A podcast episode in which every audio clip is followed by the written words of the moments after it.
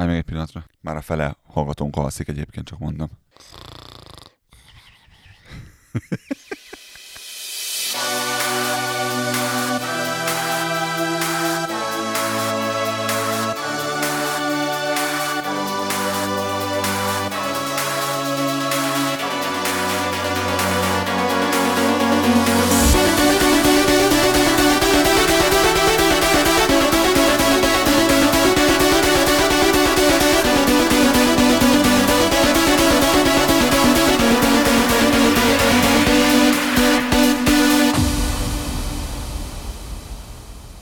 Reggelt kívánunk mindenkinek. Jó reggelt kívánunk, szeretettel köszöntünk mindenkit a Felvillanyozottan podcast harmadik epizódjában. Akkor nem kérdezem meg, hogy milyen adást hallgatnak. nem kell megkérdezni, lassan megszokják. mert ki van írva, és el is mondjuk, hogy Felvillanyozottan harmadik epizód. Vágjunk is bele, én azt mondom. Mindenki tudja az elérhetőségünket, stb. kanadabanda.com, studiokukackanadabanda.com, ott vagyunk a közösségi médiában is, elértek bennünket szinte mindenhol, legalábbis a régi helyeken egészen biztosan. Kommentelhettek, megoszthattok, írhattok nekünk, véleményeztetitek az általunk eh, elmondottakat, esetleg témákat is javasolhattok, ugyanúgy, mint a Kanada Banda hagyományos adásaiba. 2021 év elején történt egy eh, olyan dolog, ami szerintem még nem nagyon történt Magyarországon, mi szerint a Jövő Mobilitása Szövetség készített egy online felmérést arról, hogy eh, ki mit gondol a villanyautókról, hogy ki mit szeretne venni, ki mit vezetett eddig. Az adás első részében ezt az online kutatást fogjuk egy kicsit kielemezni, picit közelebbről megvizsgálni. Miért érdekes ez számunkra, László, ez az adás, ez, ez a ö, felmérés? ha jól tudom, akkor ilyet még nem nagyon csinált senki. És ha, ha etalonnak nem is, de egy jó kiindulási pontnak szerintem megfelel. Egy jó kezdet, így van. Bár csak 704-en töltötték ki a kérdőívet, Amit nem is értek. és vannak olyan kérdések, amik nem egészen világos a számomra, hogy miért, meg hogyan, de ezt majd menet közben kitárgyaljuk. Ezt a 704-et én Nagyon, kevés, egyébként. Mi már csak utólag találkoztunk ebben a felméréssel, tehát ennek az eredményével találkoztunk.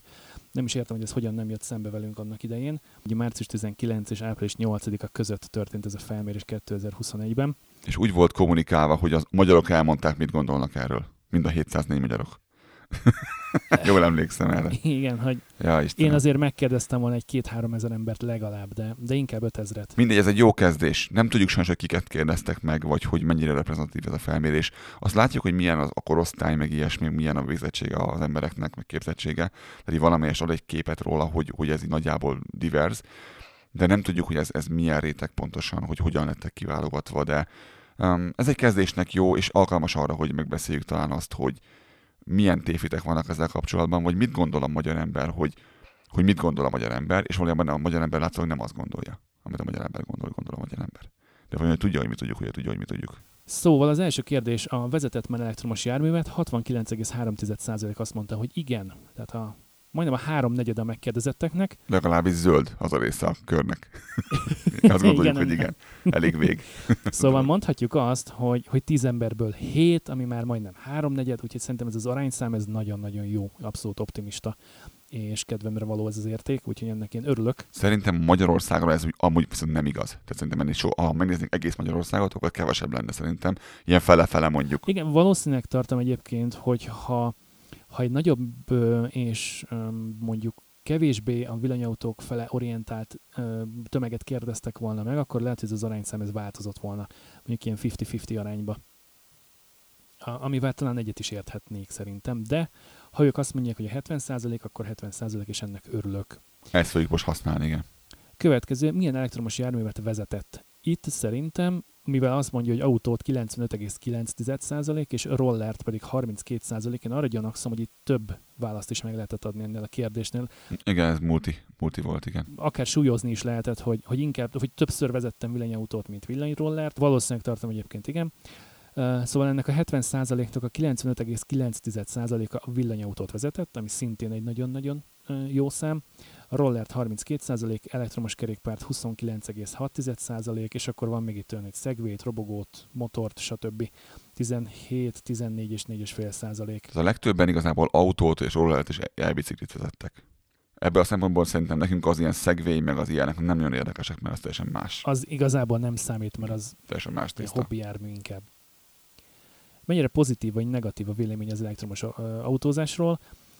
74,5% azt mondta, hogy egyértelműen abszolút pozitív, ez egy ilyen 1-től 5-ig terjedő skála, tehát 5 pontot adtak pozitívnak, és ugye az 1 pont a negatív.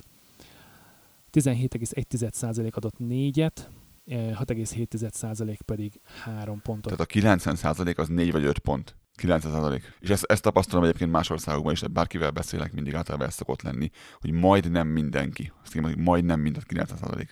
Majdnem mindenki azt mondja, hogy hú, ez marha jó volt. Ez nagyjából így szokott lenni, igen. Azt mondják, hogy hi- hiba elkövetni azt, hogy vezetsz egy ilyen autót. Mert hogy ráfüggsz azonnal. Többé nincs visszaút. Szóval a következő kérdéssel kapcsolatban csak annyit akartam előzetesen elmondani, hogy nagyon jól tették fel a kérdést, és nagyon jó válaszopciók voltak, mert 2,8% azt mondta, ha a következő autó elektromos lesz rá, hogy nem lesz autóm, tehát őket rögtön ki is szárhatjuk, ám de 41,3% azt mondta, hogy igen, egészen biztosan, és a 30,3% azt mondta, hogy valószínűleg, és gondolom a, a középső, a 14,8% lehet az a nem Mit tudom. tudom én, igen. Tehát azt jelenti, hogy megint 70% fölött van az, aki azt mondja, hogy hú, nagyon szeretne venni egy ilyet, igen. Aztán a következő is valami hasonlót hozott ki, hogy milyen az elektromos gépjárművek vezetési élménye. Itt 70% adott 5 pontot, és nyilatkozott abszolút pozitívan az élményről, 22,7% pedig 4 pontot adott, tehát ha azt vesszük, akkor megint 93% fölött vagyunk tulajdonképpen, aki azt mondta, hogy elégedett, vagy nagyon elégedett Nagyon magas. a vezetési élménnyel. Ez megint egy olyan szám, aminek, aminek örülni tudok. Meg is lepődnék, ha nem így lenne. Következő, ami már, ami már tényleg egy ilyen gyakorlati kérdés, tudna a munkahelyén tölteni elektromos meghajtású gépjárművet? Itt 40% mondta azt, hogy igen, és 60% azt, hogy nem. Gondolom ez idővel változni fog, illetve hát attól is függ, hogy pontosan hogyan is miként néz ki ez a munkahely, mert itt lehet akár egy belvárosi irodaház, lehet egy, lehet egy gyáregység, ahol gondolom kint van a placon a parkoló, és onnan még be is kell gyalogolni az épülethez, stb. Ez annyira attól függ, hogy mit dolgozol. De a 40% kiindulási alapnak az nagyon jó. Tehát 10 munkavállalóból 4 azt mondja, hogy igen, az, az nagyon szuper. Igen, magasabb is, mint amit én tippeltem volna egyébként. És ha már munkahelyekről beszéltünk, munkába járáshoz milyen típusú elektromos járművet vásárolna, ha tudná munkahelyén is tölteni. 81,4% azt mondta, hogy elektromos autót, ami azt jelenti, hogy tulajdonképpen 5-ből 4 embernél egészen biztos villanyautót ö, választanának munkába járáshoz, ami megint csak egy, egy abszolút nagyon magas szám. pozitív és, és előremutató ö, szám érték. De mindjárt, mindjárt meg, meglátjuk, hogy miért volt az ilyen magas, szerintem ez nem ennyire magas a valóságban. Mivel közlekedik leggyakrabban? Itt 50 3% mondta azt, hogy hagyományos autóval. Na itt, itt árulkodó a második a sorban. És 37,6% mondta azt, hogy már most villanyautóval. Tehát a megkérdezetteknek a, a majdnem 40%-a az már most is jelentkezik ilyen autóval, tehát ez a, ez a felmérés picit csalóka ebből a szempontból. De itt már olyanokat keresztek meg, akinek már van villanyautó, tehát nem a, azt, aki még nem is látott ilyet, nem találkozott ilyennel. Tehát sokkal érdekesebb volna ez a felmérés szerintem. Ha... De annak örülök, hogy 52% fölött van a hagyományos autóval közlekedők aránya, mert a többség, többség még mindig a hagyományos dízel benzinautóval, esetleg hibriddel jár, nem tudom, mert arra itt nincsen ilyen lehetőség, mert ugye olyan válaszok voltak, hogy gyalog tömegközlekedéssel, nem elektromos biciklivel vagy rollerrel, illetve egyéb elektromos járművel, hát gondolom ide tartozik, akkor a hibridek az 7,4%. Következő kérdés, ön szerint milyen érvek szólnak az elektromos meghajtású gépjárművek mellett? Tehát ezek a pozitívumok. ez rohadt érdekes, hogy miket mondtak, itt egyáltalán nem azt mondták, amit én tippeltem, hogy mondanának. Én sem egészen ezt vártam. És ebből megint nekem azt sugalja ez, hogy, hogy ők már tudják, miről beszélnek. Tehát egy része legalábbis tudja, miről beszél, mert olyanokat hoztak fel, amik, amik valósak. De nézzük is meg, hogy mik voltak ezek. A, a legtöbb az a helyben nem növel a légszennyezést, és ez egy olyan dolog, amit így el szoktunk siklani fölötte, pedig rettenetesen fontos az szerintem, hogy, hogy hasz, mert mindig megy a vita arról, hogy na jó, jó, de mivel töltjük azt az autót, és igazából ha a legcsúnyább, leggusztusalabb dologgal töltjük is, ami pont annyit szennyez, mint hogyha füstölne, akkor is egy olyan erőműben füstöl ez, ami, ami nem a számba van rakva, és ezt az erőművet, ahogy beszéltük ezt lázadóval sokszor, sokkal könnyebb szűrni és ellenőrizni, szűrve van-e, mint minden egyes autót külön-külön. Tehát az, hogyha elmegy a gyerekemet tolom a babakocsiban, elmegy mellettem a pickup, és arcon köpi a dízel korommal, annak nem vagyok vidám tőle. És a villanyautó nem csinálja ezt. Ez nagyon fontos, ez, ez, ez öt ki legnagyobbnak, szerintem ez nagyon-nagyon fontos dolog. 77 százalék 77. 77 százalék mondta azt, hogy helyben nem növel légszennyezettséget, és ez volt a legerőteljesebb opció, amit kiválasztottak erre a kérdésre. A második helyen végzett 73,5 százalékkal a csendesebb rezgésmentes üzem, illetve az üzemeltetési költsége alacsony 71 százalékkal. Mondhatjuk azt, hogy tulajdonképpen ez a három kategória az emberek háromnegyed, a megkérdezettek háromnegyedét a háromnegyedet tartotta fontosnak, és szerintem ez szintén egy, egy olyan, olyan ö, eredmény, ami, ami abszolút bizakodásra ad okot és, és pozitív. Visszatérve arra, amit az erőműről mondtál az előbb, ha jól tudom, akkor egy 2014-es eredmény alapján Magyarország áramtermelésének 54%-át adta a Paksi atomerőmű. Igen, Magyarország viszonylag tiszta ebbe a szempontból. Csak ugye importálunk is áramot, és mindig ezen megy a vita, hogy most ezt honnan szedjük éppen erről, vagy arról importáljuk, de mondom, ez mindegy, teljesen meddő, mert, mert nem ez a lényeg benne, hanem hogy nem az arcodba köpi bele. Igen, és ha azt veszük, akkor egy atomerőműnek se nagyon van helyben kibocsátása. Tehát nem eregeti úgy a füstöt, mint mondjuk egy szénerőmű. Itt az, mondom, az, az az érdekes ebben az egészben, hogy ezek mind olyan dolgok, amit, ami lefegyverzi azt, hogy na jó, jó, de hát ez nem olyan zöld, mert nem erről beszélünk, hanem arról beszélünk, hogy nem arcon köp, arról beszélünk, hogy csendesebb és rezgésmentesebb. Uh-huh. De gondolj bele abba a városba, ahol hirtelenjében lecseréljük a, a, a benzines zörgést egy sokkal halkabb whiningre, egy ilyen nyávogásra, amit a villanymotorok csinálnak. Hogy ilyen azt jósolják, hogy 10 decibellel fog csökkenni az ajszint a városban. 10 decibel, az nagyon sok 10 decibel. Elnézést kérek minden vidéki és külföldi hallgatótól. Budapesti példát tudnék hozni. Mondjuk a nyugati pályaudvartól, vagy Westentől mondjuk sétálj el a Margit szigetre a körúton. És gondold el, hogy, hogy tudsz egy mély levegőt venni. Hogy, hogy tudsz úgy beszélgetni a melletted sétálóval, hogy nem kell fölemelned a hangodat, amikor elgördül melletted nem tudom hány száz darab autó, meg, meg kis teherautó, meg busz, meg nem tudom még milyen jármű, robogók mondjuk, hogy, hogy tisztább lesz a levegő, csöndesebb lesz, és elsősorban ugye ez azoknak nyereség, akik tényleg bent élnek és bent laknak a belvárosban. Hozzáteszem, hogy még sokan találták azt is, 68%-kal találta azt is fontosnak, hogy otthon is lehet tölteni. Szeretnénk itt beszélni esetleg a, a kaliforniai felmérésnek az eredményéről? Aztán ide, ide lehet kapcsolni ez a, ez a ponthoz. Nem raktam be az adásvázlatba, de természetesen az adásnaplóban benne lesz akkor. Mm, Én ezt szerettem volna egy másik adásra hagyni, mert az előző két adásban eléggé Kanada és ö, külföldcentrikus volt a tartalom, most pedig szerettük volna kiegyenlíteni ezt a mérleget, úgy, hogy a mai, mai adásba beletoljuk a, a, a magyar tartalmat, de akkor említsük meg azt a cikket, amit átküldtél nekem, és ez körülbelül ez a, a, az agyfasz kategória, ahol is, ö, hát azt sikerült leírni az újságírónak, hogy ö, A, mi volt ez? Business Insider volt? Ö, Én úgy emlékszem, hogy ez a Business, Business Insider tudta ezt a hülyeséget elkövetni, igen. Um, nagyon dióhéjban akkor, akkor nem megyek bele mélyen. A történet lényeg, Fogunk ebben még foglalkozni. igen, történet lényege annyi, hogy készült egy felmérés Kaliforniában, ahol a villanyautót, nagyon magas a villanyautóknak az adaptációja ebben a, az államban, és a ötből egy vásárló, aki villanyautót vásárolt, tehát tudom, 20 az következő autójának megint benzines autót vett, mert hogy itt voltam, mert hogy, hogy milyen problémáik voltak, és az egyik problémája a, az volt, hogy a, a töltés az, az milyen, és az emberek fejében, és ez Magyarországon is ö, oda fogunk érni mindjárt, hogy benne van abban, hogy, hogy mi a problémájuk az embereknek, az a következő menüpont úgyis. És ebben az adásban akkor megbeszéljük majd, hogy, hogy mik, pontosan mik voltak a problémáik nekik, de valamiért ez, hogy otthon tudod tölteni az autót, és nem kell valahová elmenni tölteni, ez a fejekben nincs benne még a, a mai napig sem. Hogy igazából ez egy nem létező probléma. A felmérésben 68,8%, tehát mondhatjuk azt, hogy 10-ből 7 ember azt mondja, hogy hatalmas előnye a villanyautónak, hogy otthon is tudod tölteni. Mert az? Mindemellett, hogy, hogy zöld energiával is tölthető, tehát ha lehetőséged van, akkor tudsz otthon napkollektorokat felszerelni a tetőre.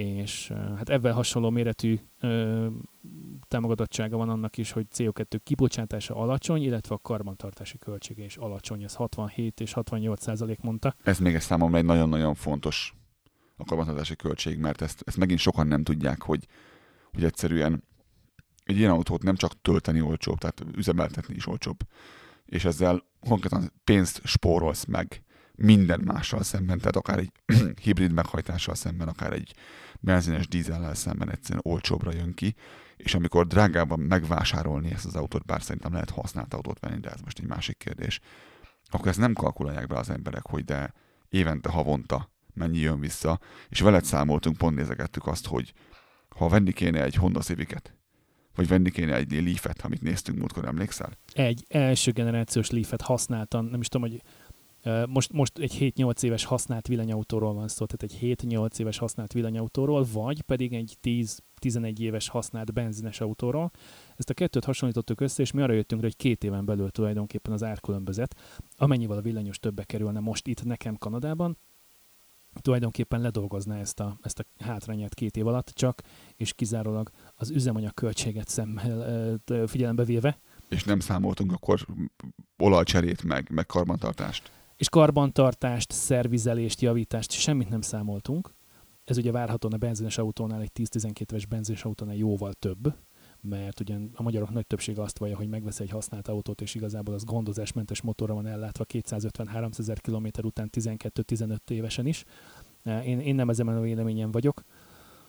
Úgyhogy egészen biztos, hogy egy benzines használt autóra költenem kellene, és hát mondom, a szervizköltségek nélkül, csak az üzemanyag költséget figyelembe véve, a villanyautó két év után gyakorlatilag egálba kerülne. Még ha ugyanitt is kéne költeni a fenntartásra, akkor is. Igen, még akkor is. Akkor is, mert ugye az üzemanyag költség az, az elvinne nagyon-nagyon-nagyon sok pénzt. Mert hogy ugye kimondottan munkába járós autónak használnám, az azt jelenti, hogy tízszer mennék be a munkahelyre, megjönnék haza egy héten. Igen, itt kb. úgy kell kezdeni, hogy egy 800 ezer forint környéki, 900 ezer forint környékű Civic versus ez a, mi ettől, én majdnem kétszer kerülő másfél milliós autóról beszéltünk kb. itt nálunk. Valami ilyesmi. Hát, ha nem is egészen két, kétszer annyiba kerül, de mondjuk mit tudom én 4-5 ezer dollár környékén veszel egy jó szíviket, meg mondjuk ilyen 7-8-9 ezer környékén már tudsz találni egy olyan leafet, ami elfogadható. Tehát minimum másfélszeres ár, igen. És, és ezt két év alatt le tudná dolgozni. Csak városi használat mellett. Úgyhogy ezt érdemes számolni mindenkinek, és nem csak azt nézni, hogy hát az drágább, mert, mert nem egyértelmű hosszú távon ez a dolog. De, de lépjünk tovább a következőre. Mi volt a következő? És mennyivel kényelmesebb lenne, hiszen leparkolnék a ház előtt, bedugnom a konnektorba délután 5-kor, és másnap reggel 6-kor, amikor, vagy 7-kor, amikor megyek munkába, akkor lehúzom róla, és kész. Igen, sima konnektor, semmilyen kiépítés nincsen. És soha többet semmivel nem kell foglalkoznom avval, hogy éppen a benzinkúton mennyibe kerül az üzemanyag, hogy 92 cent, vagy 1 dollár 27. Nézted különben, hogy mennyi most állunk az üzemanyag megint? Oh, nem akarom nézni. Rondák azok a számok. Már most annyi, mint, mint tavaly nyáron, tavaly előtt nyáron, amikor izé volt, mikor még nem volt pandemik, és, és ú, azt mondtuk, hogy milyen marha drága, már most annyi, az még most van elsője. De most figyelj, most, most, most azon sír a szánk, hogy 180 forint helyett 260-at fizetünk egy liter benzinért? Borzasztó. Igen, igen, igen, mert V6-os autóm van sem azért. Nem, majd hamarosan megszűnik. Na de, mi a következő? Ugorjunk az utolsó kérdésre, mégpedig, hogy ön szerint milyen érvek szólnak az elektromos meghajtású gépjárművek ellen, tehát mik a villanyautó negatívumai. Itt kimagaslóan 87%-kal mondjuk úgy, hogy nyert a magas vételár, tehát a, a megkérdezettek 87%-a 10-ből 9 ember azt mondja, hogy magas a villanyautók vételára. Ez azért érdekes, mert ez, a, ez az a dolog, ami meg fog szűnni hamarosan. Tehát a következő 5 évben ezt nagyon könnyen fogja orvosolni maga a, a piac. Mm, hát mondjuk inkább, hogy három. Gondolod, hogy rövidebb lesz ennél? Igen, hát hatósági szabályzó oldalról, hogyha végre mondjuk Európában rábolítanak az Euró 7-re, de már most látni azt egyébként, hogy, hogy szépen lassan többe kerülnek a, a, a hagyományos meghajtású autók, a benzinesek, hmm. meg a dízelek, és ahogy beszéltük már, azért vannak nyomai annak, hogy, hogy a villanyautók támogatása helyett majd inkább a belső égési motorral szereteket fogják büntetni. Tehát ezért az többe fog kerülni, mert értelmszerűen a gyártó nem a profitjából fogja ezt a, a extra díjakat megfizetni, hanem a vevőre terheli, és az árcidulák lesznek többek 1-2-3-4-5 millió forinttal. Meg mindeközben megy lefelé az akkumulátornak a, az ára is, ugye minden, minden egyes évvel olcsóbb. Most már beestünk valami 80 dollárra. Meg hát jönnek ki a, a, a kisebb, kisebb méretű autók is, amik értelmszerűen olcsóbbak is lesznek. Már hogy egy, egyre több lesz elérhető, mert ugye már most is van egyébként egy Renault Zoe Nissan Leaf, ami effektíve kicsinek nevezhető, de egyre több lesz Igen. ebben a kategóriában. Meg lehet venni. Meg hát lesz egy csomó használt autó. Azt tegyük azért még hozzá, aminek nem lesz magas a vételára. Erre is ki fogunk térni itt a következőkben, még ebben az adásban. A második helyen azt szerepelt, hogy nincs elegendő nyilvános töltőpont az országban, ezt 35,6% mondta. Egyrészt ez nem igaz. Közben azon gondolkozom, hogy az 1455 darab nyilvános töltőállomás, amely Magyarországon elérhető és működik, hogy ez most kevés, sok, Ez a kérdés az, hogy hogyan vannak elosztva. vagy hát nem is tudom, mert ha jól tudom, akkor ilyen tizen pár ezer, bocsánat, tizen pár ezer elektromos és plug-in hibrid autó van az országban, tehát erre a tizen pár ezerre jut 1450 nyilvános töltőállomás, amellett, hogy nagyon sokan tudnak ezek ők közülük akár otthon, akár még a munkahelyen is tölteni. Én nem gondolom, hogy mondjuk ez, a, ez az 1500 darab nyilvános töltőállomás így 2020 végén, 2021 év elején ez, ez kevés lenne. Itt nem is ez a kérdés, hogy mire használják ezt, ezeket a töltőket. Mire használják? Hát én például, ha engem kérdeznél, mivel hogy társasházban lakom, és egyébként ott a konnektor a parkolóhelyen, be tudnám dugni az autót, tehát maximum gyors töltés miatt hetente egyszer feldugnám az autót egy óra hosszára, másfélre maximum. Ugye kis akkumulátoros 30 kW-os mm. dífet Tehát vennék, ha vennék. Akkor ez azt mondod, hogy annak kellhet, aki nem tud otthon tölteni, A. B. Akkor kell, amikor utazol nagyobbat hosszú, tehát mész a Balatonra, mész Győrbe a rokonokhoz, mész Debrecenbe a rokonokhoz, ilyesmire. Vagy mész igen. Ausztriába valamiért. És akkor útba kell ejteni ilyet. A kérdés akkor mi? A kérdés akkor az, hogy van-e a nagyvárosokban, illetve ott, sokan laknak, elszórva itt ott, ott olyan töltő, ahol meg tudod oldani a töltés, ha nincs neked otthon töltőd. A. B.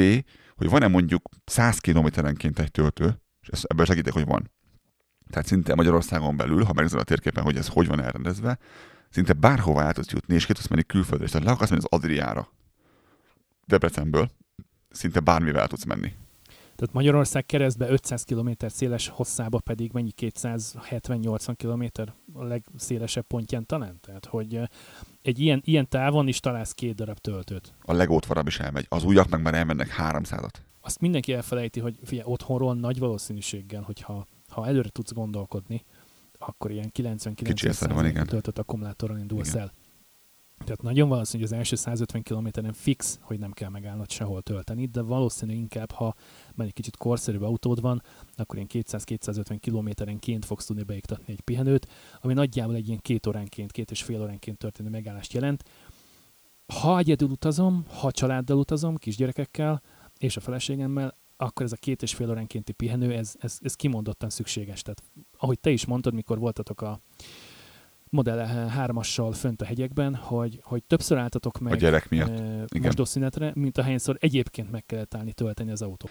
Ez a töltőpontos dolog, ez egy nagyon 22-es csapdája, mert ö, addig, ez pont amit ma küldtem neked, hogy a pénzt csinálni a töltőhálózatból nem tudnak egyelőre, mert nincs elég töltés rajta, tehát nem használják ki a töltőhálózatokat a villanyautók.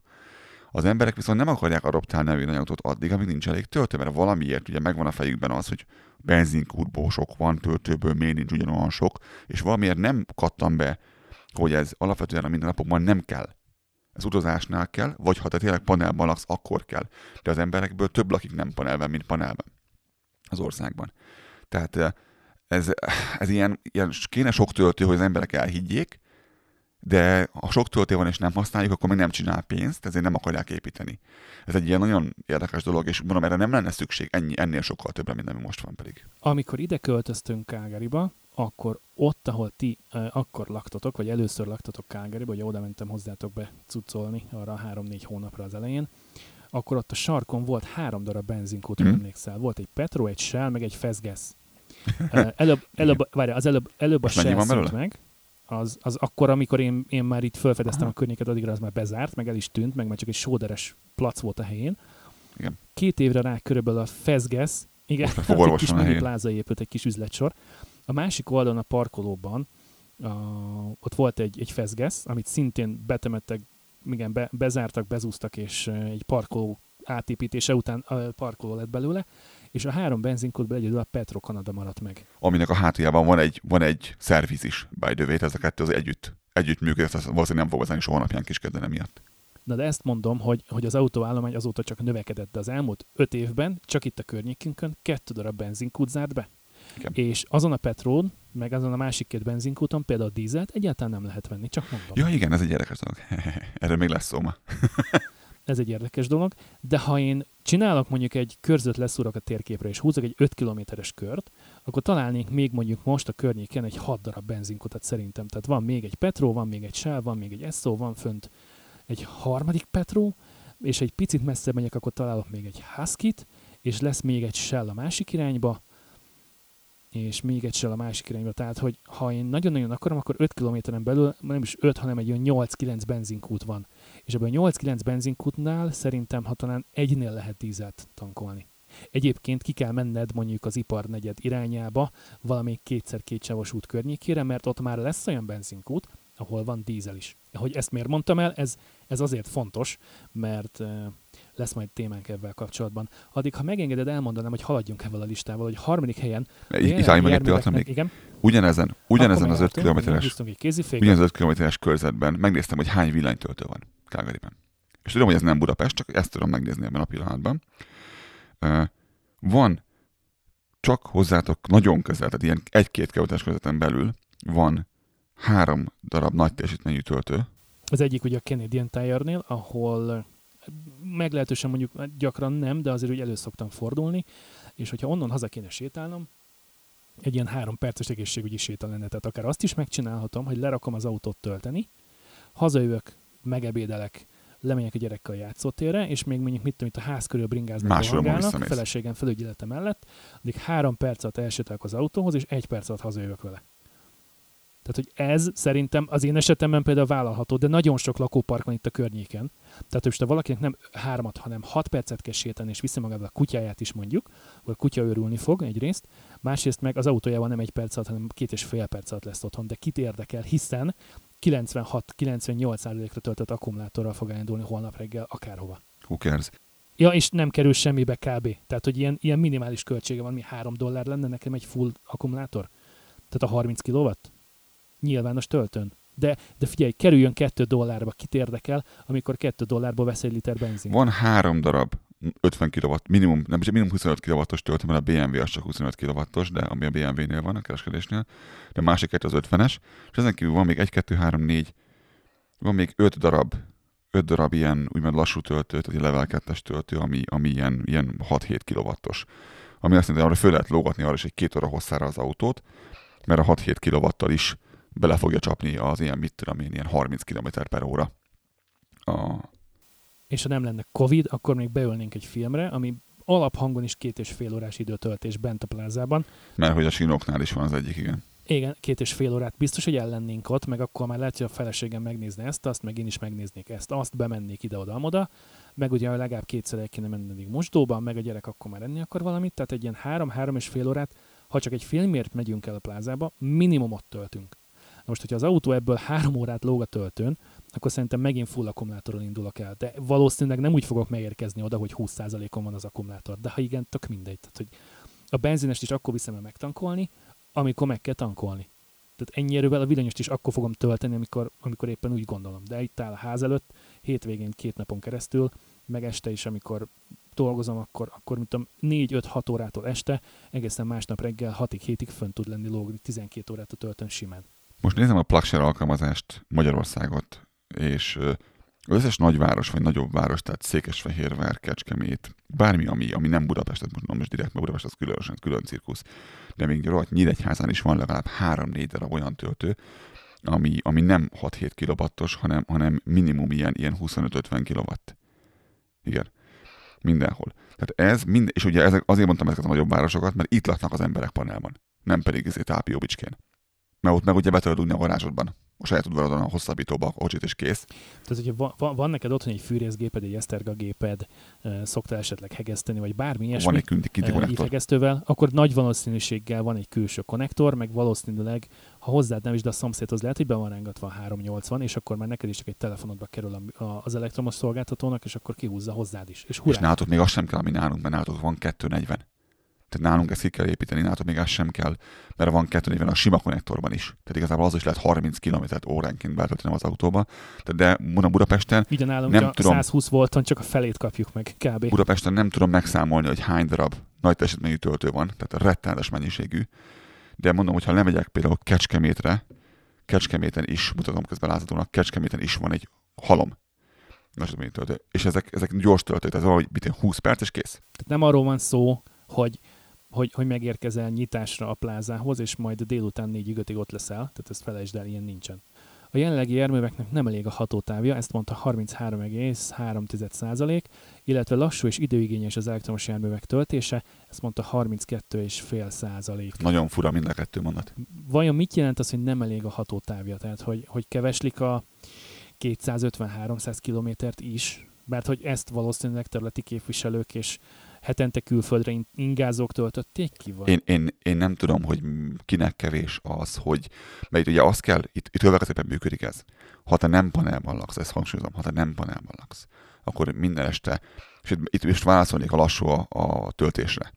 Nekem egy villanyzó töltése az három percig tart, vagy kettő percig. Tudod, hogy miért? Megoszthatjuk a hallgató közönséggel ezt a gyönyörű Excel táblát, amit csináltál, mert könyvbe lábadt a szem, amikor megláttam, mert ez, ez annyira informatív, és úgy benne van minden, hogy tehát aki ebbe kifogást talál, az jöjjön ide, és csinálja helyettünk. Meg, de akkor picit átírom jobban magyarra, mert is angolul van írom, menne minden átírom, akkor magyar, és akkor majd úgy. Nyugodtan még még most a felvételtől eljutunk addig, hogy publikáljuk az adást, addig erre lesz majd időt, de ha nem, akkor besegítek. Me- megoldjuk, nem, ez nem, nem probléma. Szóval igen, ez egy, ez egy érdekes kérdés, hiszen, hiszen itt te azt írtad például, hogy ha a legrosszabb esetben is ezen a 120 voltos hálózaton, amivel nekünk itt Észak-Amerikában együtt kell élnünk, 8 óra alatt bármi történik, 60 kilométert tudsz tölteni, és te naponta azt mondtad, hogy egy ilyen 55-60 kilométert mennél az autóddal. Az átlagos ember is ennyit szokott menni, nem többet ennél. Ha abból indulunk ki, hogy 80%-ra van töltve az akkumulátorod, elmész dolgozni, hazajössz délután négykor, és mivel nem akarod terhelni a hálózatot, nem mint egyébként jelentene bármit is, feldugod tölteni az autót este 10-kor, reggel 6-ra visszakapod azt, amit előző nap elhasználtál. Meg még lehet, hogy talán egy kicsit többet is. Ez a lassú a töltés általánosságban azt jelenti, hogy ez 2 perc, vagy 1 perc. Egy perc a töltés nekem villanytól. Tudod, miért? Be, megállok a garázsba, vagy a garázs előtt, bedugom a kábelt. És mikor reggel jövök ki, kihúzom a kábelt.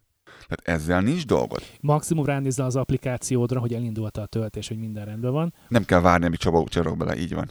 tehát mondom, amikor hazaértem, így berugom, elmegyek, csinálom a dolgomat, tehát nekem az a, az a egy perc volt, amíg berúgtam, amíg oda húztam a kábelt, berúgtam, amikor kijöttem reggel, akkor kihúzom, visszarakom a kábelt a helyére. A töltés ennyi ideig tart nekem.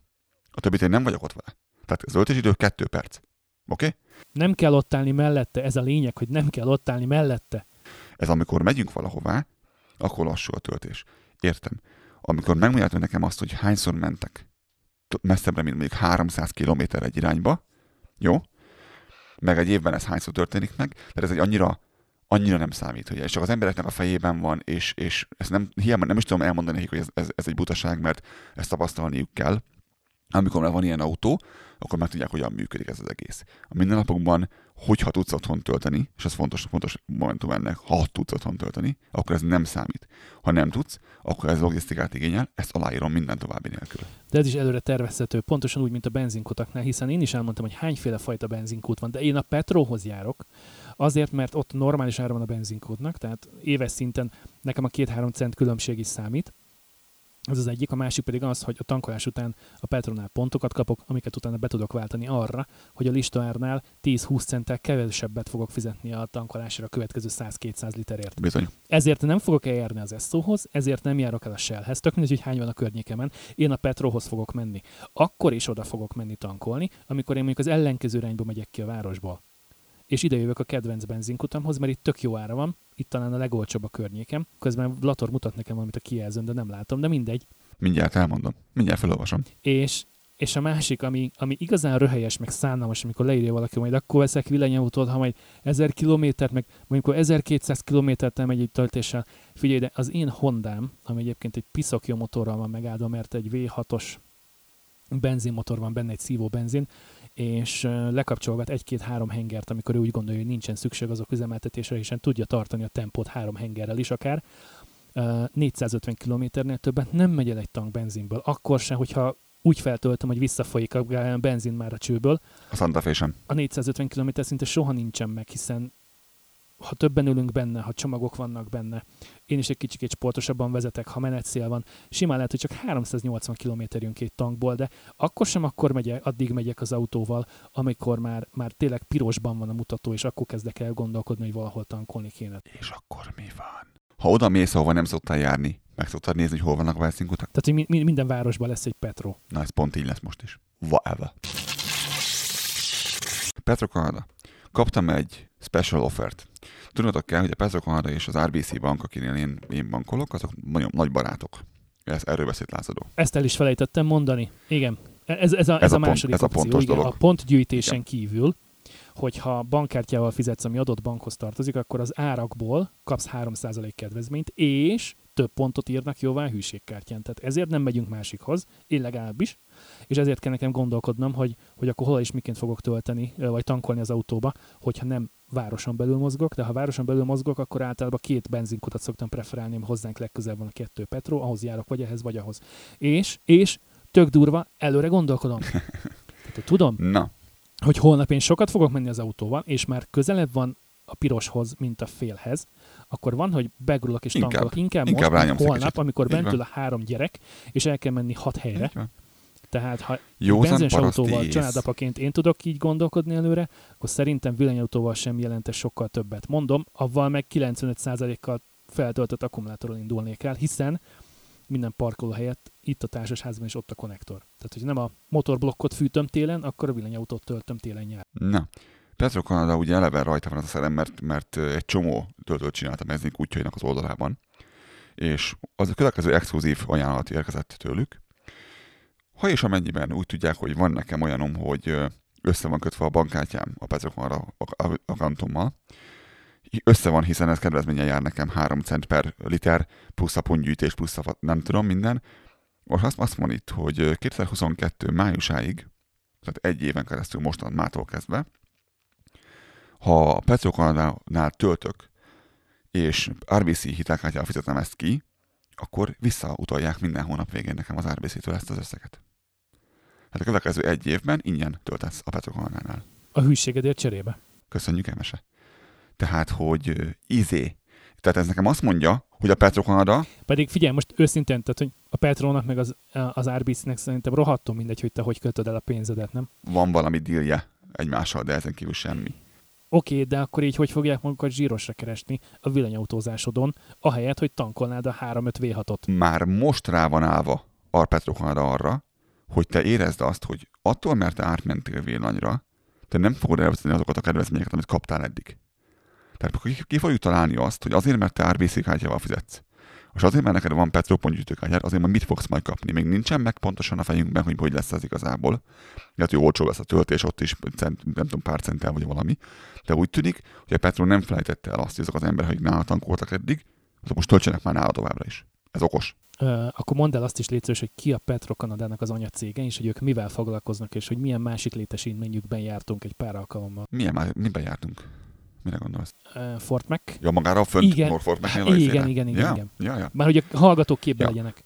Hogy miért olyan nagy szó ez? A Petrokanada az egyik itteni nagy olajcégnek a, a benzinkútházata.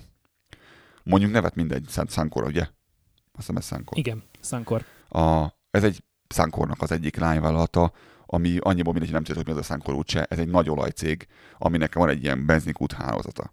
És ő nekik Van rengeteg finomítójuk, van ő nekik úgy tűnik, hogy leesett a tantusz, hogy később is kéne valamiből élni. Az egy érdekes kérdés, hogy, hogy ö, hogyan fog kinézni mondjuk 10-15 év múlva a, a benzinkút. Mert most úgy néz ki, hogy középen van mondjuk, ezt pont beszélgettük pár napja, 8 kútfej, és a szélén van két töltő. Hogy vajon, hogyha ez ilyen ütemben halad, akkor mondjuk 15 év múlva lesz egy 8 töltő középen, és a szélén két darab benzintöltőhely.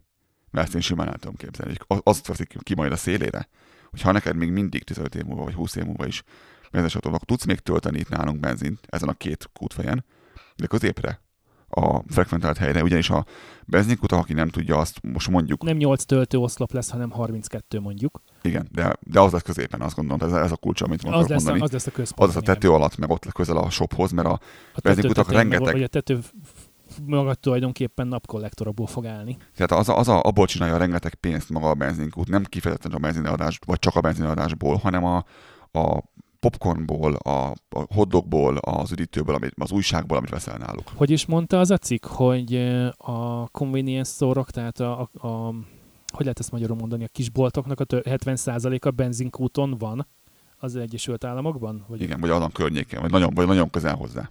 Tehát mellette konkrétan.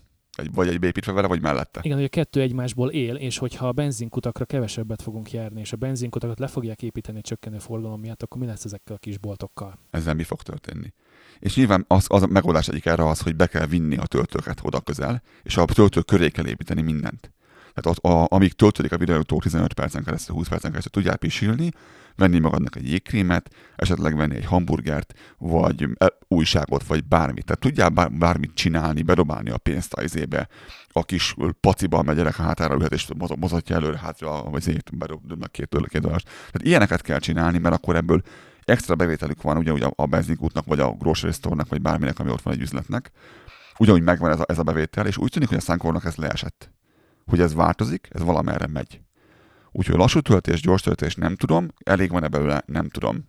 Van itt egy olyan, hogy az otthoni töltés nem megoldható, és erről beszéltünk, ezért mondtuk azt az előbb, hogy... 23,4% mondta ezt, igen. Ahol ez így van, az egy más szituáció, az egy kicsit kellemetlenebb helyzet, mert ő neki nem sokban fog változni ahhoz képest, hogy benzinkúton jártam eddig, most meg tölteni járok majd. Tehát náluk ez nem annyira. Ez négy, négy, négy villanyautósból egy ember, és hogyha azt vesszük, hogy igazából a, a villanyautós penetrációnak mondjuk a 25%-a az, akinek osztozni kell ezen az 1455 darab töltőállomáson. By the way, igen. Ami egyébként folyamatosan bővül, tehát nem azt mondom, hogy napról napra, de mondjuk hónapról hónapra növekszik ezeknek a száma. Tehát jelen pillanatban Magyarországon szerintem talán egy kicsikét erőteljesebben növekedhet, vagy növekszik a töltőállomások száma, mint ahogy az új villanyautók ö, regisztrációja megtörténik. Ha erről van valakinek pontos információja, azt szívesen fogadjuk innen távolról nehéz ezt egy kicsit megmondani. Illetve mit akartunk még ebben kapcsolatban elmondani? Az új e-autók kínálata túl szűk, ezt 22,7% mondta. Ebben igazuk van. Maximálisan igazuk van ebben. Még, még nincs elég belőle. Így van. Majd, majd egy négy-öt év múlva már akkora ezt, lesz a választék, hogy nem mondani. fogsz tudni pár dönteni, hogy, hogy adott év. büdzséből melyik legyen a, a háromból vagy négyből az az autó, amit végül megvesztek. Viszont ebből az is következik, hogy ami miatt mindig sír mindenki, hogyha most kijön a következő egy-két-három évben egy csomóféle fajta új autó, azt jelenti, hogy akinek nincs pénze új villanyautóra, lásd nekem sincs, az egy 5-6 év múlva már belekerül abba a szituációba, hogy meg tud venni egy 4-3-4-5 éves autót. De akkor már habzsidőzsi lesz, tehát akkor már lesz egy olyan felhozatal, hogy, hogy nehezen fogsz tudni választani. Így van és olcsóbbak is lesznek ezek addigra már bőven. Tehát átlagárban olcsóbbak lesznek. Ugye a következő kérdés, nem, a következő válasz uh, erre, hogy a használt elektromos járművek kínálata túl szűk, ezt 22,5% mondta. Értem szerint, ha kevés az új autó, akkor kevés lesz a használt is. Most még. De egy négy év múlva ez Magyarországon is látványosan meg fog fordulni. Főleg ugye, ha most Németországból, hogyha nyugatról hozzák be a használt benzines és dízelautókat. Már pedig onnan hozzák most. Ugyanez fog megtörténni a villanyautókkal is, hogy a használt ID3, a használt Tesla, stb. 4-5-6 évesen fog megérkezni Magyarországra, már sokkal kedvezőbb áron, mint hogyha azt újonnan kéne megvenni. A munkahelyi töltés nem megoldott. Ez azért érdekes, mert ahogyan otthon nincs is valakinek töltője. Igen. Az munkahelyen még lehet. Tehát ez nem ugyanaz az ember lesz, akinek otthon nem tud tölteni, mert aki munkahelyen nem tud tölteni. Tehát ebből a a 20-25%-ból még levehetünk nyugodtan egy 8 10 Jó, akkor maradjunk még itt egy kicsikét. A 20% mondta azt, hogy ez így van, tehát ti 5-ből egy embernél lenne ez probléma, hogy a munkahelyén nem tud tölteni. Kíváncsi lennék, hogy ha megkérdeznénk azt, hogy ha gépjárművel megy dolgozni, akkor tud-e parkolni a munkahelyén mondjuk ingyen? Tehát, hogyha ha autóval jársz dolgozni, akkor meg tudsz állni a munkahelyeden. Bocsánat, autóval. csak egy megjegyzés. Nem tudom, hogy itt arról van-e szó, hogy ötből egy ember mondta ezt, vagy, vagy 20%-nyira volt fontos. Ez az a baj, annyira vég ez az egész, annyira nem egyértelműek ezek a, ezek a cuccok. Igen, ez, ez, ez, ez, ez mondom, igaz, ezt vágj hogyha akar bele ezt okay. a részt, csak neked mondom, ezt adom. Nem, egy, nem, nem, nem, ez nem teljesen igaz az észrevétel, mert... itt, mert annyira nincsenek megadva a markerek ebben a rohadt hogy az ami éretlen. Most én is kérdezek tőled, hogy a, a jelenlegi technológia gyorsan elavul. 15 százalék. Ezt nem értem. Ez mit jelent? Ezt, nem értem. Ezt én sem értem. Ezen, ezen megütköztem, mikor átfutottam először, hogy a jelenlegi technológia gyorsan elavul. Ezt valaki mondja el, mit jelent, mert én nem értem, mit jelent, hogy mi avul el. Tehát, hogy, hogy már az autókban manapság egyébként Apple CarPlay van és Android autó van, tehát még azt sem lehet mondani, mert régen probléma volt, hogy a, a fedezeti komputer egy szar lesz öt év múlva, mert már akkor elavult volt, amikor belerakták, hiszen a telefonottól függ, hogy mit látsz a kijelzőn, nem pedig a izétől azt tudom elképzelni, hogy ha most veszel egy 2013-as um, akkor az kicsi kilométerrel, kevés kilométert megy el, és, és, nem, és nem elég erős. Míg ha veszel egy három évvel korábbi uh, Ampera E-t, az egy há, majdnem kétszer olyan erős autó, és több mint kétszer annyit elmegy, tehát majdnem háromszor annyit elmegy, mint a, a, a Leaf. És ezt tudtam ki kinyögni, tehát ez a, ez a legközelebb, amit tudok mondani, de ez nem az van, hogy elavul, hanem az van, hogy rohadt sokat fejlődik a, ez, a, ez a téma, és ezért nem igaz, amikor azt mondják, hogy nem, nem történik semmi, mert itt látszik, hogy nagyon olyan dolgok történt tíz év alatt, és akár fel az egész, egész piac, hogy rettenetes. Az új ismeretlen technológia félelmetes. Szerintem ez a vicc kedvéért került csak be, ez 9,5%-ot kapott. Szerintem vannak ilyen emberek, akik azt mondják, hogy nem merik, mert emlékszel arra a házas pár, akit múltkor beszélgettünk, hogy elmentek arra a, a túrára az új izéikkel, ID3-ukkal, vagy mi a tökömmel? akiről a Magyarorsi Csabi mesélt az egyik Igen. utolsó Kanári-szigeteki videójában. Ez kikész, azt majd blinkeljük már be. Meg, meg akik én is olvastam, hogy és akkor persze, persze, majd hogy mész el automosóba a villanyautóddal. Ez, tudni, hogy ez létező probléma. Á, de hát a trolli meg a villamos is kint jár esőben, érted? Tehát, hogy... Számunkra ez egy, ez egy ilyen, teljesen nagy rém, hogy ez, ez, ez így van, de emberek félnek új dolgoktól, ez, ez, ez ilyen van. És el tudom képzelni azt, hogy mivel mivel ő egy olyan fajta, aki nem egy ilyen technokrata, és, és különben is hát megszokta már, megtanult a gyerekkorában, hogy hogy működik ez, és nem kéne mást használni. Náluk ez nehezebb lesz, az biztos. Nem ezt el tudom képzelni. Van még itt két olyan válasz, amit ki szeretnék emelni. Az e-autók nem tartják az értéküket, 3,8% mondta ezt, tehát egészen csekély a elgondolása mögött, hogy kíváncsi volnék, hogy ezt mire alapozzák. De ez jó egyébként, hogy csak, hogy csak kevesebb, mint 4% gondolja úgy, hogy nem tartják az értéküket. Tehát épp ezért drágák, mert hogy értéktartók. Azért jó, ez, ez egy, ez egy hülyeség. De...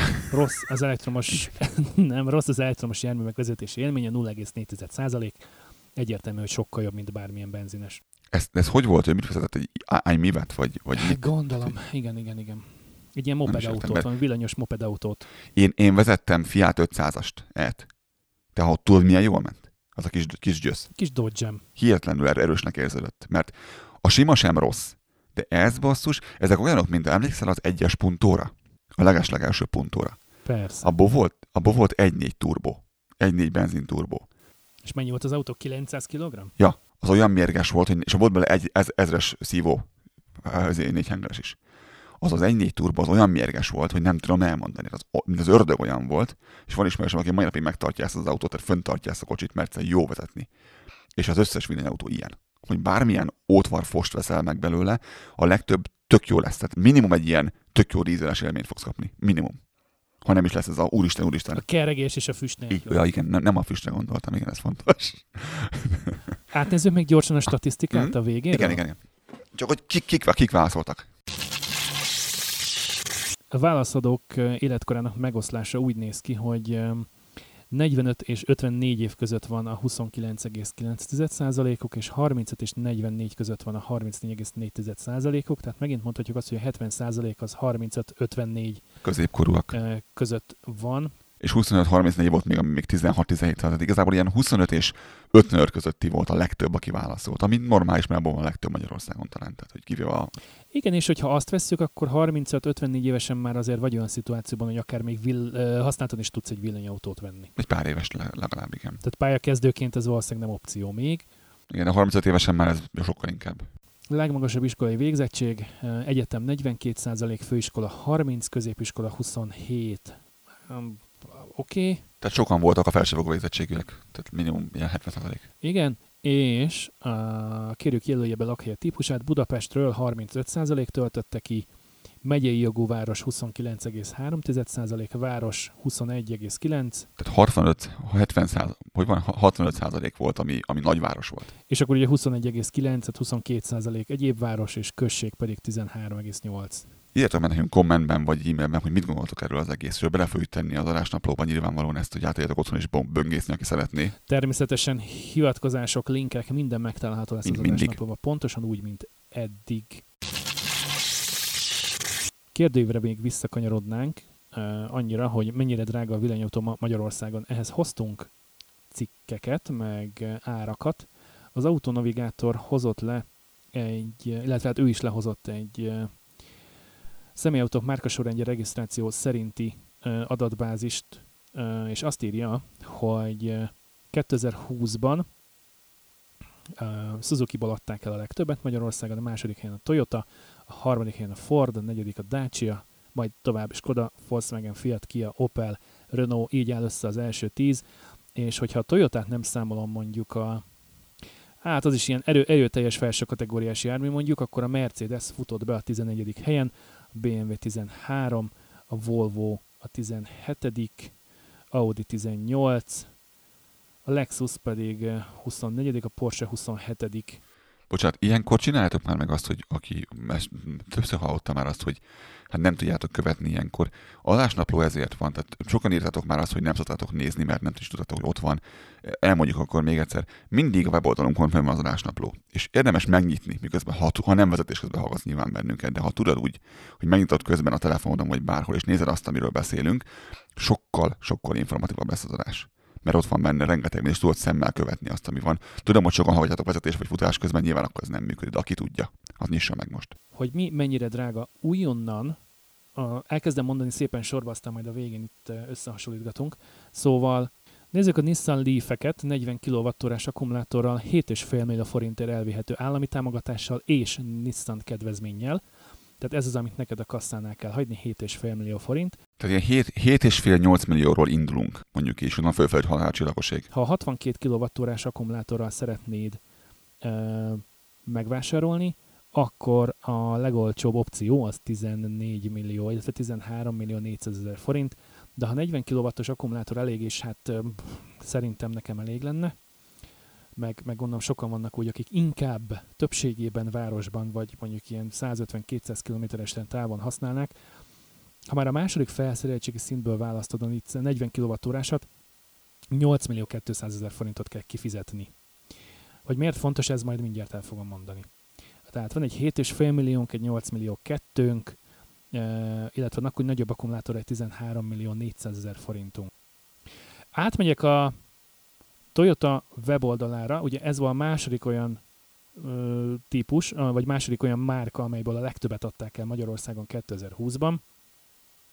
A legolcsóbb autójuk az Aigo, 3 millió 770-től, a második legolcsóbb autójuk a Yaris, az új Yaris, 4 millió 990-től, tehát 5 millió forinttól, és hát innentől kezdve tulajdonképpen elszabadulnak az árak.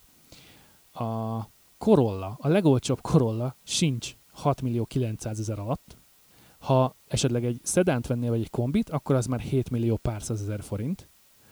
Hogyha esetleg vennél egy Pro és City Verzót, az szintén 6 millió 800 ezer, tehát nagyon közel van a 7 millióhoz, tehát egy igazi családi autó lenne nekünk, de ez is 7 millió forinttól indul.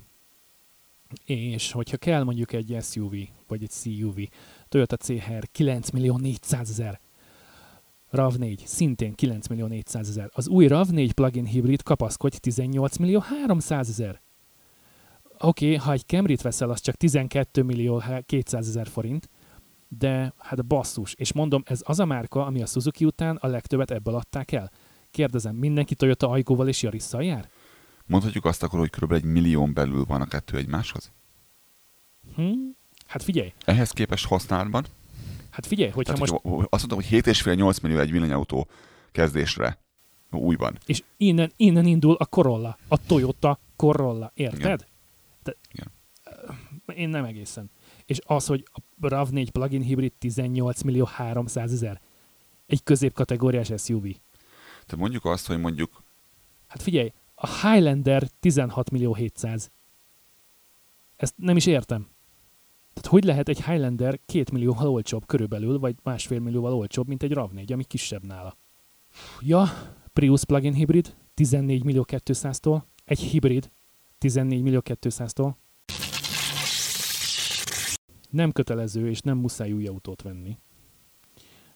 Éppen ezért a használtautók.hu-n az első oldalt át is ugorjuk, és a második oldal úgy kezdődik, hogy Nissan Leaf, ez még az egyes Leaf, 80 kWh, mi az a 80 kWh? Van benne ekkor akkumulátor? Az, az újban az ennél jobb akkumulátor. Azt hiszem. Ez soknak hangzik. Nekem is. Az van egy, hogy 3 millió... Az, a, az, a, az már az új Leaf, ugye? 3, nem, ez még a régi, 3 millió 700 ezer. Nem, az hazugság, akkor az nincs benne 80. Az nem, az nem akkumulátor, az az a, a motorteljesítmény, 80 kW. Na, szóval egy 3 millió 700 ezer forinttól elérhető már a Nissan Leaf 2013-as évjárat, de értemszerűen, hogyha szeretnénk egy kicsikét ennél többet költeni, akkor azt mondja, hogy beletekerek, és van itt egy Fiat 500e 4 millió 150 ezerért, Van már egy Nissan Leaf 30 kW-os akkumulátorral, full bőr belsővel, 2016-os éve, tehát egy 5 éves autó, van egy 82 ezer kilométer, ez 4 millió 250 ezer forint. Ha egy kicsikét még többet szeretnénk költeni, akkor uh, van itt BMW i3 4 millió 8, 4 millió 990 ért, és ugrunk a harmadik oldalra, tehát hogy, hogy azért ilyen 5 millió forint környékén azért már, ha valaki nagyon villanyautózni akar, akkor szerintem fog tudni találni akár egy Renault Zoe-t is, 41 kWh akkumulátorral, 5 millió 150 ezerért. Aztán Hyundai Ioniq 6 millió 890. És van itt egy, még egy másik, egy Hyundai Ioniq Electric Premium 7 millió 500ért. Sőt, Volkswagen Golf, e-Golf a 7 millió 650. Ezek 2017-es, 2018-as autók voltak a Hyundai és a Golf. A legtöbb futott kilométer 83.400, a legkevesebb 21.500. Ez igazából akkumulátor kapacitás, illetve apuka, akkumulátor degradáció szempontjából kb. semmi.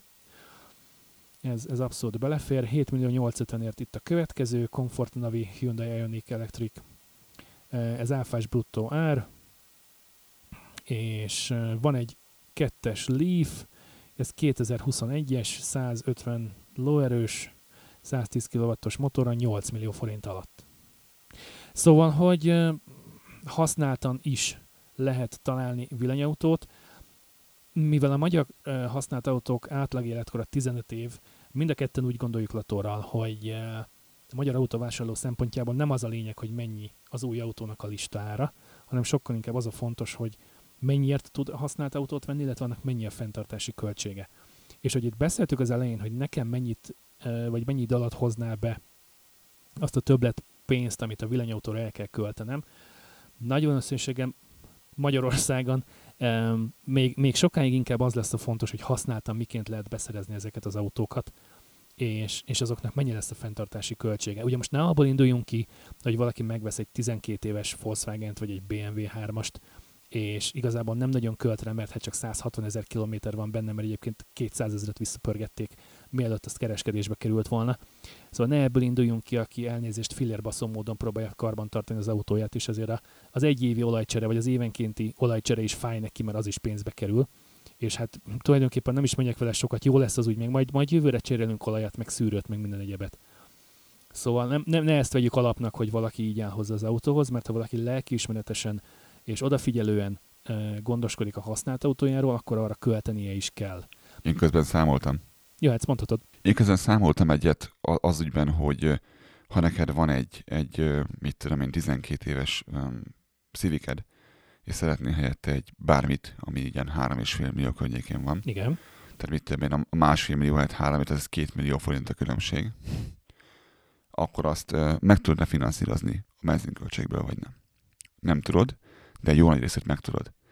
Um, függen attól, hogy ki mennyit megy, én 7 literes fogyasztással számoltam, ha 400 vagy 300 kilométert mész hetente, amit nagyon-nagyon sok embernél ez egy, ez egy teljesen egy pillanat türelmeteket. Nekem is lesz még egy gondolatom majd még az előzőekben elmondottakhoz, ha már itt árakról beszéltünk. Tehát a 400-300 km mész hetente, ami egy ilyen 50-60 km per nap, 6 napra számolva, tehát egy, egy napot nem mentél sehova, ami nem egy, nem egy embertelen, ez egy ilyen 15-17 ezer km, 18 ezer km per év. Ki mennyit megy vérmérséklettől függően. Ez ilyen, nem tudom, ilyen 35-től 50 ezer forintig benzinköltséget jelent.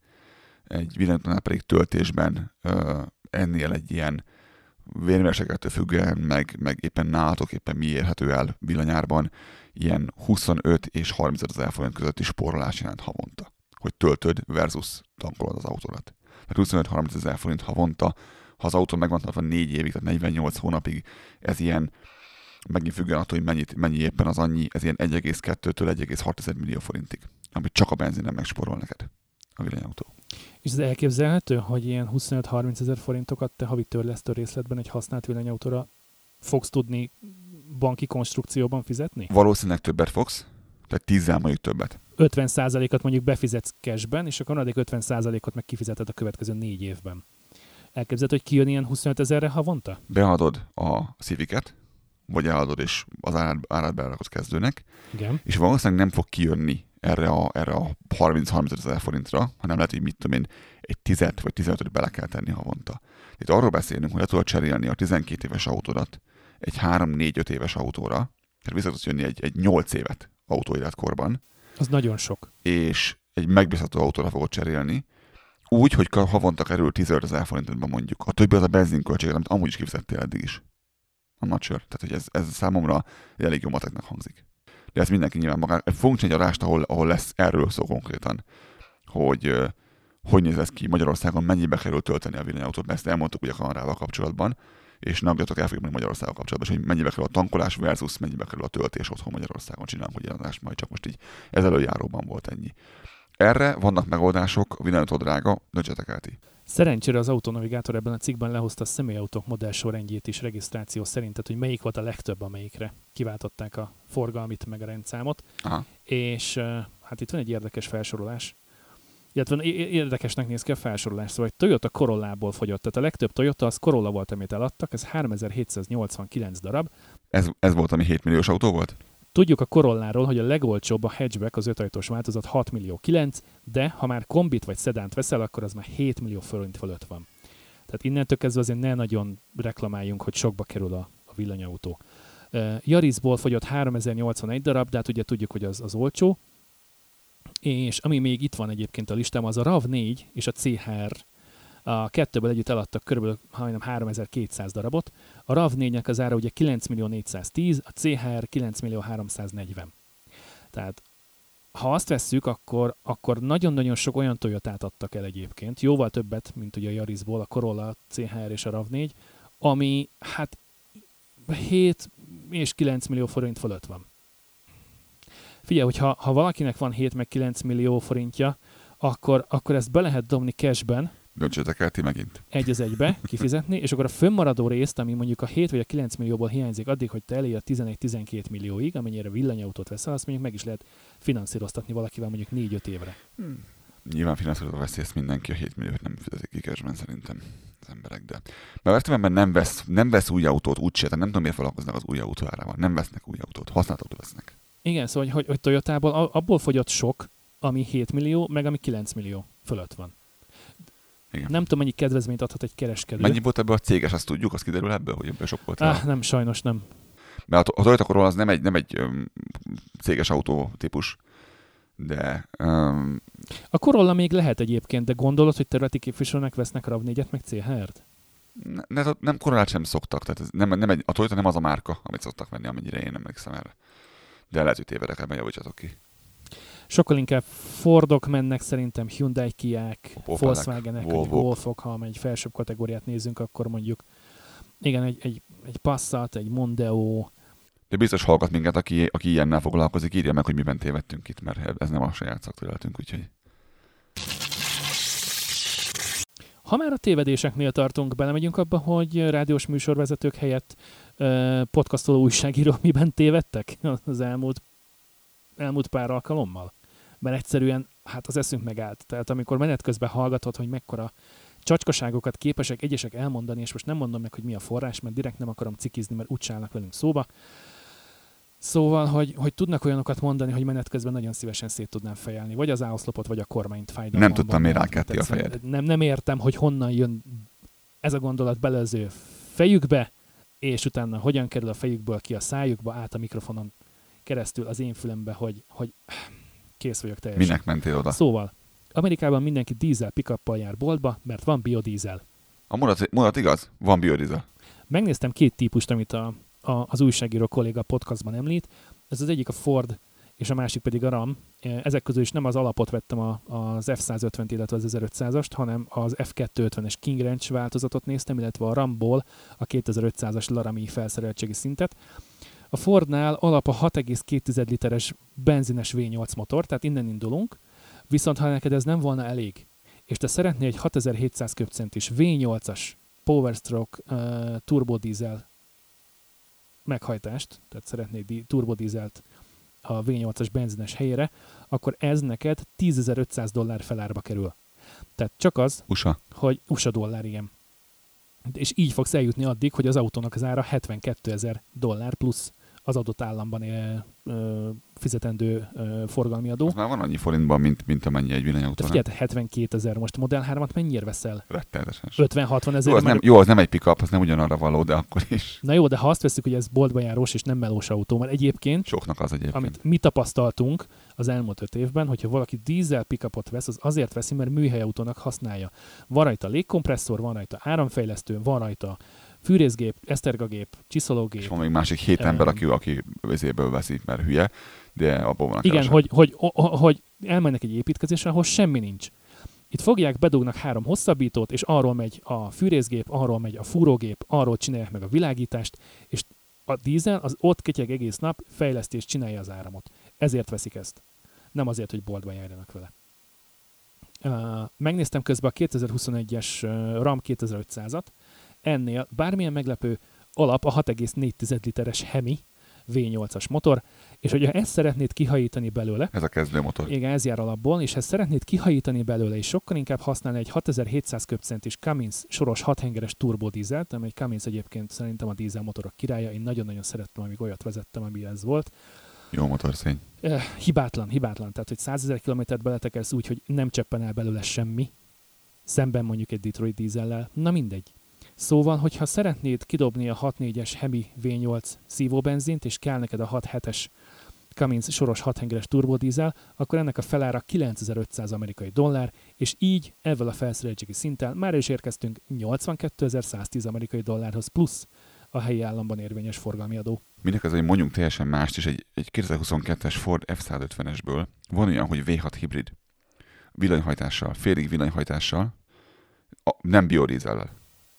Ó, igen, igen, igen, igen. És bocs, ha jól emlékszem, jól emlékszem, akkor a RAM 1500-asnál van olyan felszereltségi szint, amiben ha akarnál, sem tudsz dízelt kérni. Tehát, hogy effektíve azokat a, a, a, kisebb, a kisebbekbe nem raknak dízelmotort. És ugye mondanom se kell, hogy 2500-ast a, a Ramból is, meg az F250-est is az veszi meg, aki kint lakik a farmon, és szüksége van arra, hogy azt a járművet munkaeszközként is tudja használni. És hogyha ebben megy boltba, akkor ebben megy boltba. Ez az egyik. A másik, hogy, hogy még igen, ott van a farm mögött a, a 15 ezer literes gázolajtajtár. Meg ők, meg ők olcsóbban kapják az üzemanyagot, hogy a, a, a farm. Ez az egyik. A másik meg, hogy miért baj az, hogy ebben jár boltba? Akkor vegyen még egy autót? Nem? Tehát amikor kint van a földeken, akkor még menjen haza, cseréljen autót azért, hogy egy Chevyvel, ennyik egy ö, Cruze-zal, vagy egy Impalával, vagy bármivel menjen be a városba. Tehát ez... Mármint, hogy Leaf-fel úgy érted, ugye? Ja, igen, igen, igen, bocs, hogy egy leaf menjen be. Emlékeztek arra, amikor azt mondtuk, hogy a benzink úton ezen sem, meg ezen sem, meg azon sem volt dízel tankolási lehetőség? És tudom, tudom hogy nem Ameri- Amerika vagyunk, hanem Kanada. De ebben például tökre hasonlítunk egymásra. Ez nem annyira jellemző, sőt, alapvetően nem jellemző. Itt a városi kutakon nem is fogsz találni semmi olyan, olyan töltőoszlopot, amin, amin lenne egy, egy dízel. Tehát be kell menned a kardlokkokra, az olyan helyekre, ahol egyébként a teherautókat meg a kamionokat tankolják, hogyha a dízel pickupodba szeretnél gázoljat tankolni. Tehát a sima hagyományos benzinkúton lehet, hogy nem fogsz találni. A dízel mindig kuriózum, sokan szeretik, de mindig kuriózum a dízel. A biodízelről, amit tudni kell, van a B5, a B20 és a B10 blend, ami annyit jelent, hogy a normál gázolajnak maximum az 5%-a, illetve B20-nál minimum 6, maximum 20%-a lehet biodízel, és amíg én jártam az Egyesült Államokban, akkor például Kaliforniában, meg talán még Nevadában is, bár abban nem vagyok biztos, ott B20-as gázolajok voltak, tehát annak literjében vagy a 6%-a vagy 20%-a volt biodízel. Állítólag ez az egyik legjobb keverési arány üzemeltetési szempontból, mert a B100-as biodízel, amikor egy az egyben biodízelt használnak, tehát semmiféle kőolaj származék nincs benne, csak ilyen biomasszából, meg ki tudja milyen növényi cuccokból összevadászott, meg erjesztett dízelt használnak, akkor ennek literje körülbelül, illetve gallonja, bocsánat, gallonja 80 centtel drágára jön ki, mint a hagyományos kőolaj származék, vagy kőolaj alapú dízelnél, tehát hogy, hogy ez még drágább is, és azt mondják, hogy, hogy ebben kevesebb az energia, tehát hogy, hogy ugyanahoz a, a, a teljesítményhez neki jóval többet kell ebből elfogyasztania, körülbelül 20%-kal, ha jól olvasom, és hogy minél magasabb a dízelben a biodízel aránya, annál kisebb az energiaértéke egy gallon gázolajnak. Már a fele hallgatónk alszik egyébként, csak mondom. Gondol, igen, de ez hozzátartozik a tényekhez, hogy például a, B10, a B100, tehát a teljesen biodízel, sokkal jobb, rosszabbul viselkedik téli Igen, ez a, ez a lényeg ennek, Nálunk hogy például ezért nem lesz soha, nem mert egyébként őket. be fog kocsonyásodni az összes, pontosan úgy, mint 30 évvel ezelőtt, és majd lehet tüzet rakni a ZIL, meg a Kamaz, meg az IFA-nak a gázolajtartája alá, hogy föl tudjuk melegíteni folyékonyja. Hogy indult ilyen a villanyautó? És a dízel? Igen, van, van, van egy pici különbség. Na mindegy, akit ez mérehatóban érdekel, annak be fogjuk linkelni ezeket a tartalmakat. Lesz még egy csomó extra, így van. Lehet olvasni, nézni. És van még egy nagyon-nagyon sarkalatos különbség, mégpedig, hogy ö, biodízel esetén, tehát ha amikor B100-at használunk, a hagyományos vagy a B5 dízelek helyett, kicsikét magasabb az elégetlen, elégetlen öm, szénhidrogének aránya a kipufogófüstben, illetve nitrogénoxidból is jóval magasabb értékeket produkál, mint a hagyományos Ami tök jó. Tehát így, így nyerünk is rajta egy picit, Ja, ja, meg nem is nyerünk rajta, és hát mondom, szóval, hogy, hogy dízel pickupot az használ, akinek tényleg munkára kell, kint a farmon, vagy az építkezésen, mert egyébként komolyan végig sétálnánk az utcán, látnánk 20 pickupot, abból egész biztos vagyok benne, hogy 18-19 az valamilyen benzines változat lenne, vagy akár hibrid is. És akkor a következő tévedéses rész volt, ez a nem fizeti meg senki. Na de hogy mit?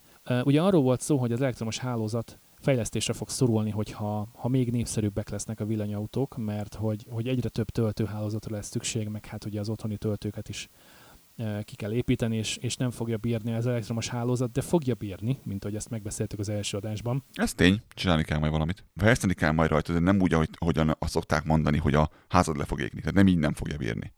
Hanem úgy, hogy, hogy a, a gerinceken kell a, a nagy teljesítményük, ö, kell még transformátor, ide, oda, amoda. Tehát valamit csinálni kell majd vele, hogy az ilyen végpontok, mert több végpont is lesz majd, több nagy teljesítményű töltő lesz kipakolva a városba ide-oda. Tehát emiatt kell majd, de nem, nem úgy, hogy máról holnapra, nem úgy, hogy le fog égni. Tehát ez, ez, ez, egy nagyon nagyon misconception itt, egy félreértés. Mi hoztunk egy kis összehasonlítást ehhez a témához, hogy, hogy senki nem fogja megfizetni ezt a jellegű elektromos hálózatfejlesztést, mi pedig biztosak vagyunk benne, hogy egyrészt már ki van fizetve, másrészt pedig ki lesz fizetve. Mert már volt olyan a világban, hogy volt valami, amit kitaláltunk, hogy meg akarunk csinálni, Ami előtte nem volt, és fejleszteni, ke- fejleszteni kellett hozzá. Tadám! és nem csak az, hogy ki kellett építeni, hanem még idővel fejleszteni is kellett.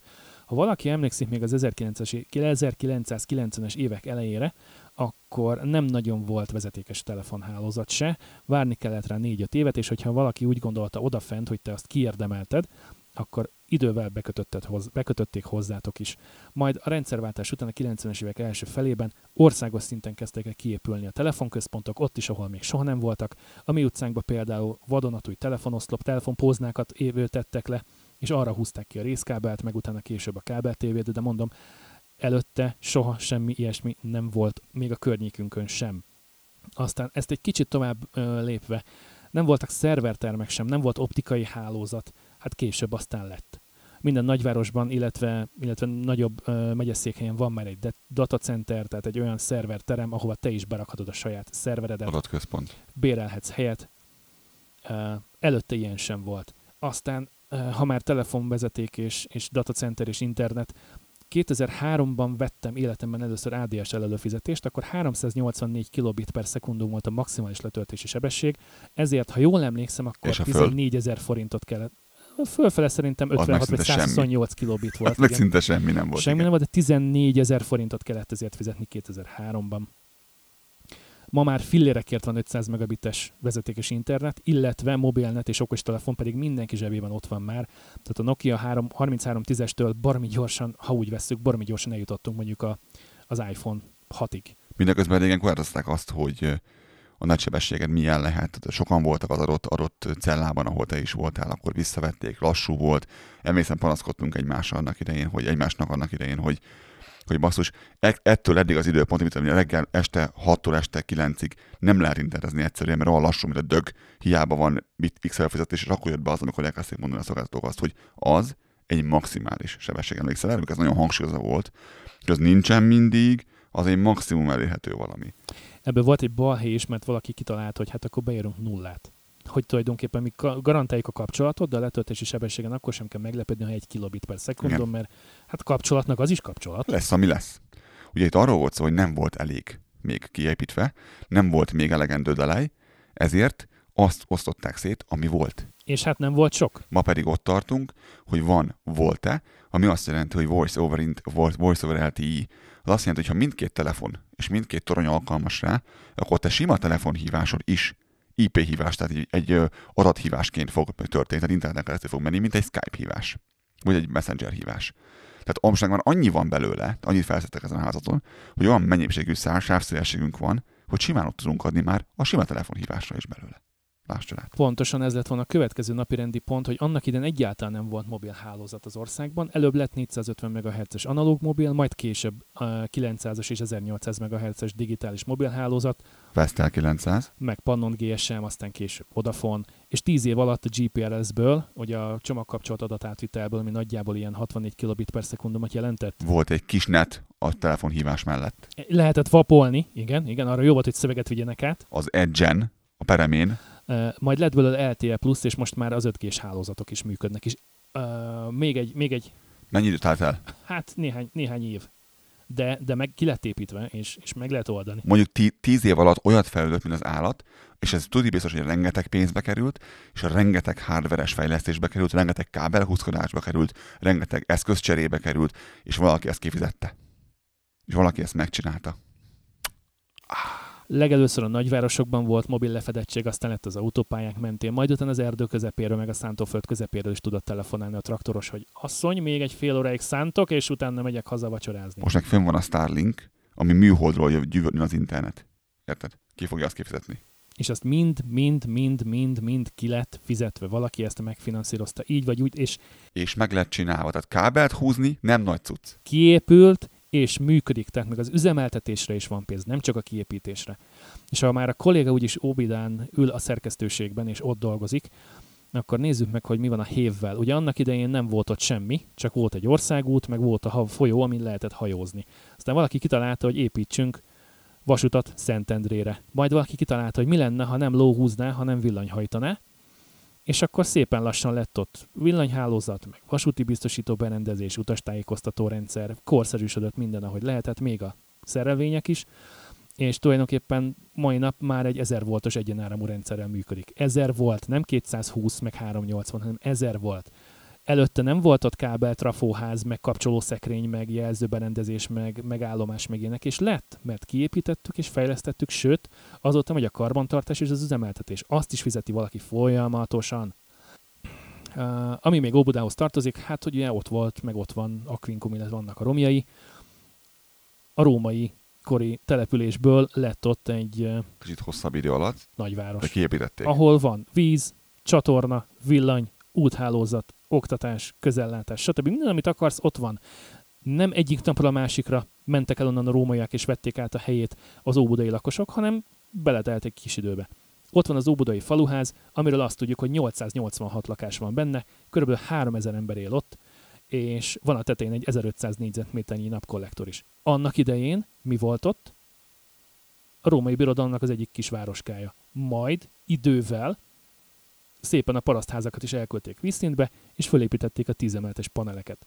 Majd ezeket a tízemeletes paneleket szépen elkezdték becsatornázni, bekötni a vizet, a villanyt. Minden házban, minden lakásban van egy villanytűzhely. De amikor az egy föl, kitalálták, hogy lesz ott a Pók utcánál 60 darab ilyen lakótelepi ház.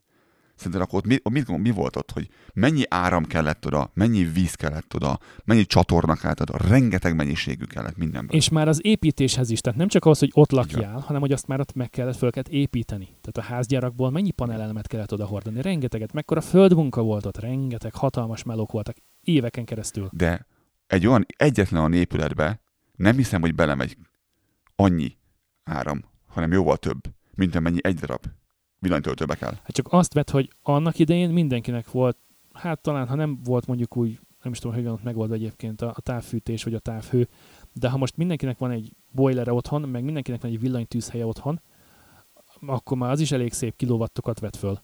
Most, hogyha ugyanoda, de nem a házakba, hanem az utcára kell levinni, Meg amikor nem, nem volt még klíma, most meg már van klíma, és beszereljük a házba, akkor a klímát elhagyja a ház. Megoldjuk, és ha nem hagyja el, akkor megoldjuk azt, hogy elhagyja, mert akkor teszünk hozzá egy külön, ezért még. Igen, amikor felszerelték ezeket a házakat a 2000-es évek elején klímával, a panelházakat, szerintem senki nem vette el a kockás fizetet meg a számológépet, és nézte meg, hogy egyáltalán el fogjuk-e bírni ezt. Vagy ha elővette, akkor kiszámolta, és azt mondták, hogy elbírjuk, vagy azt mondták, hogy nem bírjuk el, kell hozzá csinálni ezt és ezt. És megcsinálták hozzá ezt és ezt. Meg lesz oldva. És működik. És most gondoljuk el, hogy mennyivel egyszerűbb, hogy nem kell fölvinni minden egyes lakásba egy újabb villanytöltőt, hanem ott kell hagyni kint az utcán, ahol egyébként is fut a kábel. Onnan kell egy kiállást csinálni. Baromi egyszerű. Ahogy az eddigi munkákat, az eddigi fejlesztéseket és a fejlesztések óta eltelt karbantartást, üzemeltetést is kifizeti valaki, ugyanúgy meg fog ez történni a villanyautó töltőknél, töltőknél is. Ezeket profitorientált cégek csinálják, akik ezer éve gyakorlatilag pénzt keresnek. A molnak kéne elmondanom, hogy hogyan csináljon pénzt a villanyautó töltőkből? Higgyük el, hogy sokkal jobban tudják ők, mint mi.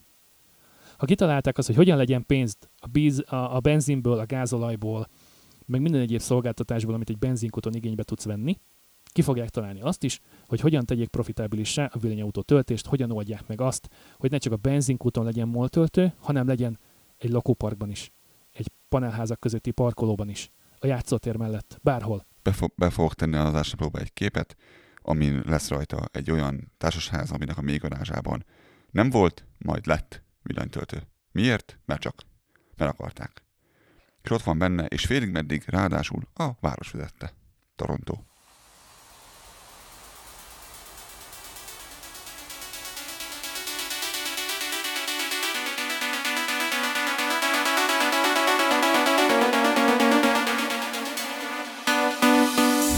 Reméljük ez szép kerek volt így, nem? Én azt hiszem, nagyon szépen kerek volt, találkozunk a negyedik részben.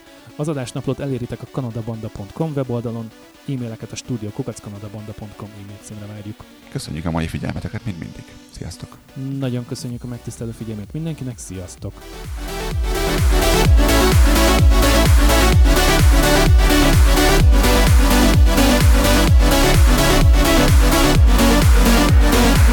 We'll